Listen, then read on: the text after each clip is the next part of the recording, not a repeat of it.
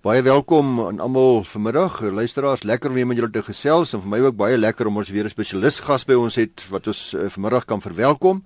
En oor iets wat ons nie baie gereeld oor praat nie, Ian, dit is naamlik uh, die immateriële goedere reg. So baie welkom aan Rina Gunter. Sy's 'n patentprokureur en 'n metallurgiese ingenieur. Ek is altyd grensloos beïndruk as ek kyk na die al die kwalifikasies wat die patente prokureurs het. Jy weet as jy dink hoe ek gesukkel het en gesoek het en gedeur gestrompel het om my LLB te kry, ek sien al hulle grade, maak dit mense nogal nederig, maar sy spesialiseer al meer as 21 jaar eksklusief uh, in die beskerming en kommersialisering van intellektuele goedere reg. Sy is ook die stigter en die eienaar van die prokureursfirma Gunter Prokureurs, Gunter Attorneys, spesialis regsfirma in Centurion. Sy doen registrasie van patente, modelle, handelsmerke in Suid-Afrika as ook internasionaal. Doen ook baie werk vir buitelandse aansoekers.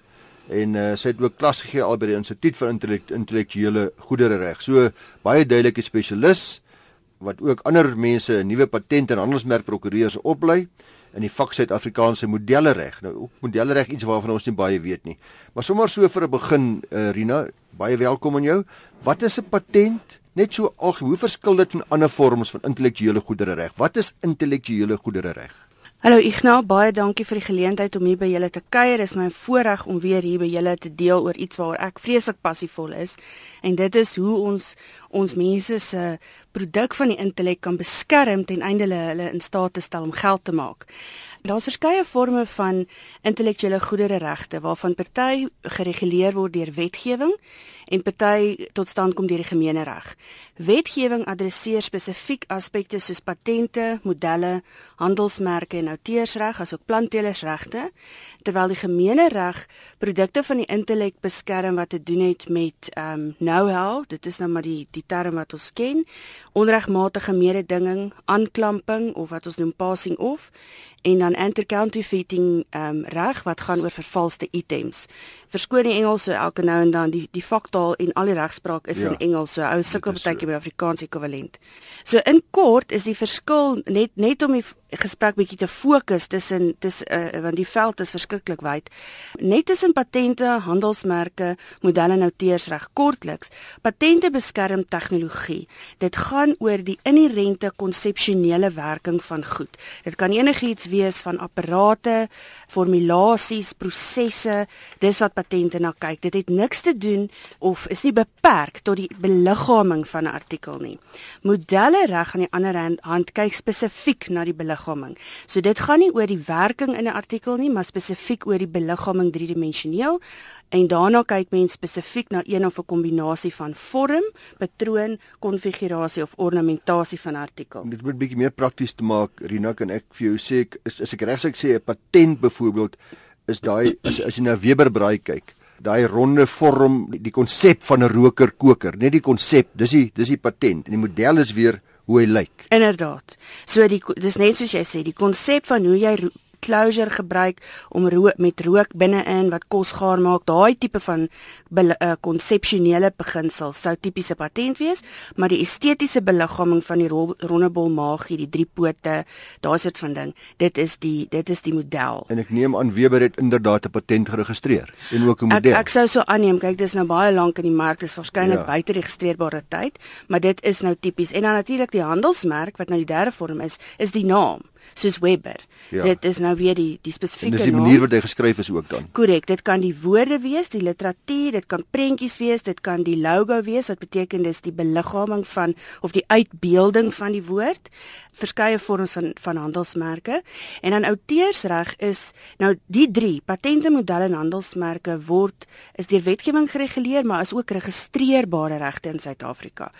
Outeursreg is ook deur wetgewing gereguleer, maar dit is nie 'n reg wat geregistreer registreerbaar is in Suid-Afrika nie behalwe oor films.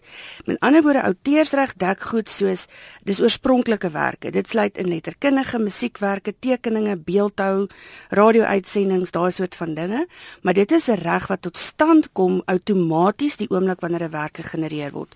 So dis krities belangrik wanneer dit gaan oor outeursreg, byvoorbeeld literatuur of musiekproduksies of daai soort van goed, dat daar streng polisieering is van beide die datum waarop dit geskep is, die omvang van die werk wat op daai datum geskep is en die eienaarskap van die werk op daardie stadium omdat jy dit nie kan registreer by die patentkantoor om jou regte te vestig nie. Ons het nou reeds eintlik vir mekaar en vir die luisteraars gesê dat dit gebeur dikwels dat een of meer vorms van intellektuele goedere reg in dieselfde produk vervat is soos die Weber-braai en soos baie ander uh, produkte. Maar kom ons kom by die vereistes vir patenteerbaarheid. Wat is die regte Ja, woord? patenteerbaarheid. En watter vereistes moet 'n uitvinding voldoen om dan patenteerbaar te wees? Want ons het so baie luisteraars hier binne wat by my kantoor kom en sê, "Hoerie, ek het dit uitgevind. Wat moet ek nou maak? Uh, hoe hoe wat is is dit 'n uitvinding hierdie?" Goed. In Suid-Afrika as ook in meeste lande van die wêreld, dit sluit byvoorbeeld nie Amerika in nie, hulle het bietjie ander vereistes, maar meeste van die lande in die wêreld en definitief in Suid-Afrika, is daar ten minste 4 vereistes vir patenteerbaarheid. Die artikel wat of proses of wat ook al wat gepatenteer moet word, moet absoluut nuut wees. Dit moet vindingryk wees. Dit moet van toepassing wees in die handel, nywerheid of industrie en die applikant moet of die uitvinder wees of 'n persoon wat van die uitvinder die regte bekom het. Is daai nuutheid is net in Suid-Afrika of is dit Nee, die die spesifieke vir definisies van hierdie aspekte is dat absolute nuutheid beteken die uitvinding mag nog nooit op enige plek in die wêreld op enige manier bekend gemaak gewees het nie. So dit beteken as 'n artikel byvoorbeeld gekommersialiseer word in Taiwan, is nuutheid objektief vernietig, ook vir Suid-Afrikaanse patentreg. En nuutheid is objektief, soos ek sê. As iets voorheen bestaan het, is dit nie nuut nie. As dit nie bestaan het nie, is dit nuut tick that box. Dan kom die tweede vereiste ter sprake van is dit vindingryk. Nou vindingrykheid behels dat die uitvinding nie van selfsprekend, not obvious, moet wees vir 'n persoon wat bedrywe is in die tegniek. Die wet praat van die skilled artisan. So vir iemand wat in die tegniek bedrywe is, moet hierdie uitvinding nie 'n van selfsprekende volgende stap wees nie, maar inderdaad 'n vindingryke komponent bevat. So dis weer 'n subjektiewe. Dis 'n subjektiewe toets en dit gaan bepaal word deur wat is in die mark beskikbaar en 'n hof en 'n eksaminator, die eksaminators internasionaal en ons howe raak al hoe meer onderskeidend op hierdie aspek van vindingrykheid. So ou kan nie net 'n 'n 'n grensgeval nie tyd hê en dink jy gaan 'n suksesvolle patent hê nie. Jy moet bewys dat dit ook vindingryk is. Nee, ek verhou my daar's iewers in die patentewet en ek weet daarvan bittermin is daar 'n lysie gemaak van goedere wat uitgesluit is wat nie patenteerbaar is nie. Korrek. Ons wet is eintlik half in die negatief geskryf in die sin van die wet sê solank dit nie te vindingryk is en is industrieel toepaslik is registreerbaar behalwe as dit in een van sewe kategorieë val. Nou hierdie kategorieë sluit in 'n ontdekking, met ander woorde iets wat in die natuur bestaan. Ons ontdek dit bloot, maar daar was geen menslike intervensie betrokke om by die uitvinding te kom nie. 'n Wetenskaplike teorie, 'n wiskundige metode, letterkundige musiek, dramatiese of artistieke werk, dit word natuurlik deur outeursreg beskerm. 'n Metode, reël of skema om besigheid te doen. Dit is 'n groot probleem vir baie ouens want hulle kry in baie vindingryke nuwe besigheidsmaniere en ons wet laat nie toe dat dit gepatenteer word nie, maar daar mag wel patenteerbare moontlikhede in Amerika wees vir nuwe besigheidsmetodes. En in nuwe speletjies speel ook, nee. Speletjies speel, maniere om 'n ge- 'n Mense dink dat nou 'n nuwe speletjie uitgewerk of 'n nuwe manier om hom te speel dan dink dis nie patenteerbaar nie. Nee, as jy die apparaat kan beskerm, dan is die apparaat beskermbaar onder die modellereg, fouteursreg of dan patente as dit sou sou kwalifiseer, maar nie die konsep van hoe om hierdie speletjie moet speel nie. Dan ook uitgesluit is rekenaarprogramme wat 'n groot probleem is. Die voorstelling van inligting, weer eens nie die apparaat wat gebruik word nie, maar die spesifieke inligting wat jy uitbeeld. Geen metode om op die menslike of dierlike liggaam chirurgie diagnose of terapie toe te pas is patenteerbaar nie. Dit sluit byvoorbeeld nou nie goed in wat in die laboratorium gebeur nie. So as solank sê net maar daar word weefsel of bloed uit die liggaam verwyder, dit word ekstern behandel, teruggesit in die liggaam, daai proses is patenteerbaar. Maar die oomblik as dit chirurgie, terapie of diagnose op die liggaam is van die mens of dier, is dit ook uitgesluit van patenteerbaarheid. Korrek. Wie kan aansoek doen dan vir 'n patent? Dit moet of 'n uitvinder homself wees of 'n persoon aan van wat die regte bekom het van uitvinder. Dit kan byvoorbeeld in 'n werkgewer-werknemer situasie wees waar die werknemer 'n uitvinding maak en op grond van sy kontrak is die werkgewer geregtig om aansoek te doen of as jy byvoorbeeld 'n situasie het wat 'n Amerikaner 'n tegnologie ontwikkel het en 'n Suid-Afrikaner die regte bekom om in Suid-Afrika die patent aansoek te doen. Die wêreld is groot. Ons sê die wêreld het kleiner geword as gevolg van alles wat in ons land met rekenaars gebeur, maar jy het nou vir ons gesê dat patenteerbaarheid in Suid-Afrika word beoordeel in die hand van bekendmakings internasionaal oor die hele wêreld. So as ek nou uitvinding kry en ek wil hom in Suid-Afrika patenteer, moet ek nou eers uitvind wat in die FSA van enige dele van die wêreld alreeds bekend is of dit al is dit nog nie by ons kommersieel dalk bekend of of of beskikbaar nie. Hoe kan ek uitvind wat die bestaande tegniek of die of of wat wat internasionaal aan die gang is wat verband hou met my spesifieke uitvinding. Is dit dit moet seker 'n hengse proses wees. Ja, daar is verskeie internasionale soek engines wat tegnologie soek. Ehm um, daar's die maklikste wat ek gewoonlik vir kliënte sê is as 'n ou na Google toe gaan en jy tik in die subject line Google patents in, dan kom jy op 'n Google webwerf wat hy lyk presies soos Google, maar hy hy het net patente van die wêreld. Begin daar. 'n Ou kan gaan soek in 'n Amerikaanse patentkantoor, jy kan Europese patente gaan soek. Ehm um, so dis alles vry engines, soek engines en dan is daar ook ehm um, gelisensieerde soek engines waar mens lisensie fooie betaal internasionaal vir tegnologie kan soek om te sien of die spesifieke uitvinding nie ten vindingryk is. Die Suid-Afrikaanse patentkantoor doen geen soeke vir patenteerbaarheid nie. Ons het 'n sogenaamde depositostelsel vir patente. So jy kan letterlik jy kry waar patenteer, nêrens langs die pad gaan iemand vir jou sê dis nie geldig nie. Ehm um, maar in eksaminerende lande doen hulle hierdie internasionale soeke. So as 'n applikant voor indiening die geldigheid van die patent wil toets, dan is dit hoogs aan te beveel dat dat hy sulke internasionale soeke doen waarvan die koste afhang van die aard van die soeke, die engines wat jy gebruik, die kompleksiteit van die uitvinding, maar dit is die moeite werd om om te kyk of mens iets geldig het. Ja, ons het weer vir Rina Ginter hierso, die patentprokureur, patentspesialis. Ons het al redelik baie geleer in die eerste deel van die program oor wat 'n patent is, wie kan 'n aansoek doen, wat is patenteerbaar, wat nie. En nou uh, Rina die miljoen dollar vraag, wat kan ek doen as ek dink ek het iets wat dalk patenteerbaar is. Hoe gaan ek te werk? Eerstens wat by my belangrik is, wat is die vertroulikheidsreëls?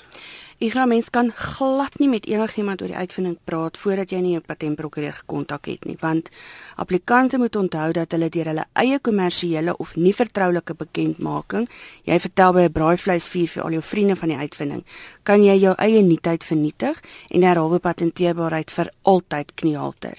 So mens moet heel eerste die uh, patentprokureur gaan sien en seker maak waar jy staan met die uitvinding. Hoe die proses dan gebels is dat mens begin tradisioneel met die indiening van 'n voorlopige patentaansoek. Die voorlopige patentaansoek um, is soort van die geraamte van die uitvinding. Die applikant hoef nog nie gefinaliseer te wees nie, maar daar moet definitief 'n basis wees waarop 'n latere patent kan steun. En hierdie voorlopige aansoek word die datum van indiening waarop hierdie voorlopige aansoek gebeur, staan bekend as die prioriteitsdatum. En vir ever and a day is dit die fondasie van 'n uitvinding. Alles wat voor die prioriteitsdatum gebeur in die mark kan potensieel die nuutheid en vindingrykheid van 'n patent affekteer. Niks na die prioriteitsdatum het enige effek op die geldigheid van die patent nie. Met ander woorde, so doen jy nou 'n voorlopige aansoek in by die patentkantoor. Die voorlopige aansoek het dan 'n 12 maande leeftyd. Tydens die 12 maande kan die applikant vrylik die uitvinding bekend maak enige plek in die wêreld. En solank jy teen 12 maande jou uitvinding voltooi, is jou beskerming internasionaal terugwerkbaar vanaf die voorlopige indieningsdatum of die prioriteitsdatum. By 12 maande het die applikant 3 keuses. Hy moet of die uitvinding net in sy of of sê kom ons sê twee keuses. Hy moet of die uitvinding net in Suid-Afrika voltooi of hy moet regte oor see bekom daar's geen ding soos 'n internasionale patent nie. Die applikant is verplig om in elke land of streek waar hy regte wil bekom, afsonderlike patentaansoeke in te dien. Jy praat van 'n streek of die Europa is byvoorbeeld 'n streek goed, ja. of daar's ook Afrika streke, Arepo en Uapi ja. wat onderskeidelik verskeie lande in een aansoek dek. So wanneer 'n applikant nou hier by hierdie 12 maande kruispad kom, Sê net hy besluit hy dien nou net die aansoek in Suid-Afrika in. Dan moet die applikant 'n volledige patentaansoek indien. Dis 'n tweede patentspesifikasie en op daai stadium van die volledige moet die applikant al die besonderhede van die uitvinding insit. Na die volledige kan ou nooit weer nuwe materiaal byvoeg by 'n patentspesifikasie nie. Wanneer die volledige ingedien is, gaan hy deur 'n proses van ehm um, aanname deur die registrateur. Soos ek genoem het, is dat Suid-Afrika het geen eksaminering vir patentaansoeke vir nuutheid en vindingrykheid nie. So aanname is blote formaliteit. Het jy jou geld betaal, jy die vorms voltooi, is dit teen publieke moraliteit, is dit iets waarvan die regering moet weet. Indien nie rubber stamp accepted. Dan binne 3 maande volgens wet word die aansoek dan gepubliseer in die Suid-Afrikaanse Patentjoernaal en vanaf datum van publikasie het jy patent. Dis die roete vir Suid-Afrika. Sou 'n ou besluit jy wil oorsee se mark betree, moet jy ook op hierdie 12 maande een van twee keuses uitoefen. Die eerste keuse is om sogenaamde konvensie aansoeke in te dien. Dit beteken Op die 12 maande datum kies jy jou lande, jy sê net maar Amerika, Australië, Europa en jy dien onmiddellik in daai lande jou aansoeke in. Die tweede opsie is om 'n sogenaamde PCT aansoek in te dien as alternatief of in tandem met konvensie aansoeke. Die PCT aansoek behels dat jy 'n eenmalige aansoek indien binne die PCT. PCT staan vir Patent Cooperation Treaty. Dis 'n treaty wat bestuur word deur WIPO, the World Intellectual Property Organization. En op die oomblik is daar omtrent 148 lidlande wat lid is van PCT. So wat dan in die PCT aansoek gebeur is, jy dien 'n enkele aansoek in en jy nomineer voorlopig 148 lande binne 'n sekere periode, dit wissel 'n bietjie, maar dit dit sê net maar dit sit om en by 8 maande op die oomblik. Gee die PCT dan vir jou 'n sogenaamde International Search Report en Written Opinion. En die PCT sê dan vir jou wat dink hulle van die geldigheid van jou uitvinding. Was jou uitvinding op die prioriteitsdatum nie ten vindingryk al dan nie? Dan 18 maande nadat jy jou PCT aansoek ingedien het, kies jy uit die 148 lande die lande waar jy wel beskerming wil hê en jy dien dan nasionale fase aansoeke in. So dan jy eintlik op dieselfde plek waar jy nou sou gewees het as jy nou die konvensieroete gevolg het, met ander woorde op 12 maande hmm. moes nou direk in die lande. Die voordeel van die PCT is drievoudig. Die een voordeel is dat jy kry hierdie soekverslag en written opinion voor jy die nasionale fase betree met patentaansoeke. So as jy in die pat, in die PCT fase agterkom maar hier's bestaande tegniek wat jou nuutheid en vinnigheid vernietig, jou patent is niks werd nie. Dan kan jy die bus net daar stop sonder dat jy ou die nasionale indieningsfooie betaal, want dis baie baie duur. Ek wil net nou 'n bietjie stil staan uh, want ek dink ons moet dalk beperk tot die Suid-Afrikaanse deel daarvan. Okay. En 'n baie moeilike vraag, wel, 'n maklike vraag, maar dink die antwoord gaan nie so maklik wees nie. Dit is die kostes kostes hang af van 'n paar faktore. Die een is die kompleksiteit van 'n uitvinding. Want met enige aansoek is daar 'n 'n tariefindieningsfooi wat gaan nou maar oor al die dokumente voorberei en so aan. Dis redelik maklik. Die die wisselvallende kostes kom in by hoe lank 'n uh, praktisyn vat om die spesifikasie op te stel en dit word geaffekteer die kompleksiteit van die uitvinding, asook die hoeveelheid tekeninge en of 'n applikant self tekeninge bring en of dit deur 'n draftsman geteken moet word. En dit hang ook af van firmas want daar's jy weet baie kompetisie tussen firmas oor kostes. Soort van 'n thumbsak 'n uh, 'n uh, kwotasie vir iets wat nou nie te kompleks is nie. Ja. Kyk, ou waarskynlik op 'n voorlopige na so tussen 10 en 15000 rand en dan by voltooiing 'n jaar later min of meer na dieselfde tipe ehm um, koste afhangend van of daar modifikasies in die 12 maande periode gebeur het wat 'n wat 'n praktisyn nou moet bydra. Ek het begrip daarvoor dit kan baie baie meer is as gevolg van die ingewikkeldheid. Dan net uh, daar is mense wat tog ook self patent aansoeke opstel en indien by die patentkantoor. Kry hulle hulp by die patentekantoor en wie staan hulle by? As nie van 'n prokureur gebruik wil maak nie. Is dit moontlik? Daar's nie regspraktisyns of daar's nie patent uh, praktisyns by die patentkantoor nie. Dit is 'n administratiewe kantoor en in terme van die patentwet kan 'n voorlopige aansoek wel deur uh, uh, applikant self ingedien word. Dit kos R60 se seelgeld by die patentkantoor en dan het jy voorlopige aansoek. Maar jy weet net dis net so goed as wat jy soort van jou eie mangels wil uithaal. Want die voorlopige aansoek is vir altyd 'n fondasie vir jou patent. En wanneer die volledige aansoek wat wel volgens wet deur 'n patentprokureur opgestel moet word, wanneer ons by die volledige kom, sê die wet om ten einde aanspraak te maak op jou voorlopige aansoek van 12 maande tevore, moet daai voorlopige aansoek 'n so-called fair basis vorm vir jou vir jou volledige aansoek. As 'n applikant homself beperk in daai voorlopige aansoek, dan kan mens glad nie die saak beredder by voltooiing nie. Jy kan nooit die omvang van beskerming verwyd nie. En wat meer is, as die applikant homself onnodig beperk het op 'n voorlopige aansoek en dan in die 12 maande periode deur kommersialisering of advertensie of bekendmaking miskien buite die omvang van die spesifikasie gegaan het en 'n ou kom by voltooiing, dan is daai addisionele materiaal nooit weer beskermbaar nie, want dan is dit vernietig en kan dit nie eers in die volledige bygedraaf word nie. Binne daai eerste 12 maande nou het jy gesê het nou 12 maande tyd om nou te finaliseer. Uh en die nuutheid is nou nie meer 'n probleem nie. Jy kan nou maar uitpraat om die braaivleisvuur. En nou vertel my vriend vir my van sy patent En nou dink ek ek kan met 'n klein veranderingkie kan ek sy patent dalk nou omseil en my eie dingetjie doen en hom dalk voorspring. Is dit moontlik? Is dit so maklik as wat ek dit klink?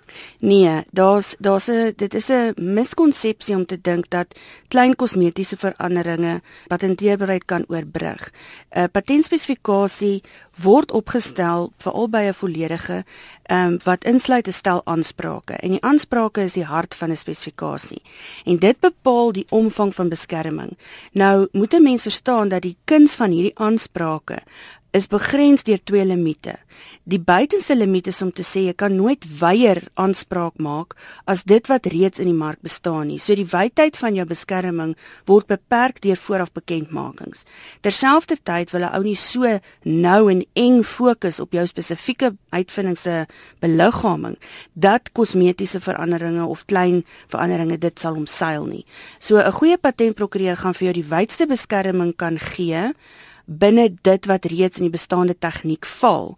Maar wanneer dit dan nou die slag gebeur het, dan is dit nie so maklik om net daai goed te omseil nie. Natuurlik kan 'n kompeteerder doen wat binne die mark reeds is, maar nie noodwendig wat in die spesifikasie gedefinieer word nie. Dit is natuurlik ook te sê aangeneem dat die uitvinding wel nie ten vindingryk was want jy weet omdat ek omdat ons nie 'n uh, eksaminerende stelsel het nie is 'n patent dalk eintlik daai fakte ongeldig en jy weet indien dit die geval is dan kan jy nou maar sê wat jy wil van jou patent. As hy nie nie te vindingryk was nie dan kan enige ou dit kopieer want dit is nie regstegnies is dit nie geldige patent nie. Rina aan die begin van die program het ek uh, het ons gepraat oor Weber en ek het u vir jou gevra of jy dink hulle het hulle produk gepatenteer nie. Het gesê ja, maar jy wonder of hulle leeftyd nie al verstryk het nie. Het 'n patent dis net 'n leeftyd het ek afgelei. Ja, beide 'n patent en 'n model het 'n beperkte leeftyd, nie 'n handelsmerk nie. In 'n patent se geval het 'n patent 'n maksimum leeftyd van 20 jaar van indiening van jou volledige patentspesifikasie, waarvan die eerste 3 jaar gedek is deur die die indieningsproses en daarna is 'n patent jaarliks hernubaar tot 'n maksimum van 20 jaar. By modelle is dit onderskeidelik tydelik 10 of 15 jaar afhangend van jou die aard van jou model. By handelsmerke is dit onbeperk op voorwaarde dat die handelsmerk elke 10 jaar hernu word. So in die, in die geval wat 'n applikant kies om nie hernuwingsfooie te betaal nie, verval die patent en word die tegnologie beskikbaar aan die publiek. Luisteraars, uh, as jy nou begin wonder nou, moet jy na u prokureur toe gaan want dit's dalk iets wat uh, nuut is, dalk het uh, dalk is daar aan die vereistes voldoen vir die registrasie van 'n patent dat ek dadelik vir jou sê dat patent is 'n spesialis prokureur. Die meeste gevalle met tegniese grade, byvoorbeeld ingenieursgraad of 'n graad in die wetenskap, eh, saam met hulle regsgraad, hulle spesialiseer. Hulle is hulle is uh, by die instituut vir intellektuele goedere reg is hulle ook lede van. En ek dink dit is belangrik om seker te maak dat wanneer jy 'n prokureur gaan sien, uh, dat daardie prokureur 'n patentprokureur is en die meeste prokureurs ek dink in ons firma en ek dink baie ander firmas sal dadelik vir u sê jammer ons kan ons spesialiseer nie in die maar ons sal u verwys na 'n goeie spesialis prokureur uh, wat u kan gaan sien. Ek dink die eerste ding wat u moet vra en dit ons dit sommer vir Rina vra is hoe besluit 'n mens of jy 'n patent aansoek moet indien of nie? Ek nou dit dit gaan heel eers te gaan oor hoe gaan ek geld maak met hierdie uitvinding mens moet mooi verstaan dat enige patent is net 'n stuk gereedskap vir kommersiële sukses. Dit is nie die einddoel nie en dit is inderdaad die maklikste stap in die hele proses. Ons weet nou al dat jy na 'n spesialis prokureur toe moet gaan Rina en ek wil graag volgende keer as jy bereid is om weer met ons kom gesels bietjie wil met jou gesels oor hoe besluit ek of ek of ek 'n patent aansoek moet indien of nie. Uh watter watter oorwegings is daar? Wat is die posisie waar uh, uitvinding gemaak word deur my werknemer byvoorbeeld? Wat is die werkgewer se posisie? Ek wil graag hê jy moet 'n bietjie oor voorbeelde praat van Suid-Afrikaanse uitvindings. Dan as ons tyd kry volgende week, bietjie oor industriële modelle ook, want dis 'n ding wat ek dink baie luisteraars geweldig interesseer. So tot 'n volgende keer, maar jy is baie welkom om bietjie vir ons te gee jou webwerf uh, besonderhede te gee en dalk jou e-posadres as jy wil. Dankie Ignat, was heerlik om hier by julle te kuier. Ons webwerf is uh, www.ginterattorneys.com En my e-posadres is r.ginter g u n t e r, jy weet daar is wel in Damse Ginters, nie die Duitsers nie. So dis r.ginter@ginterattorneys.com.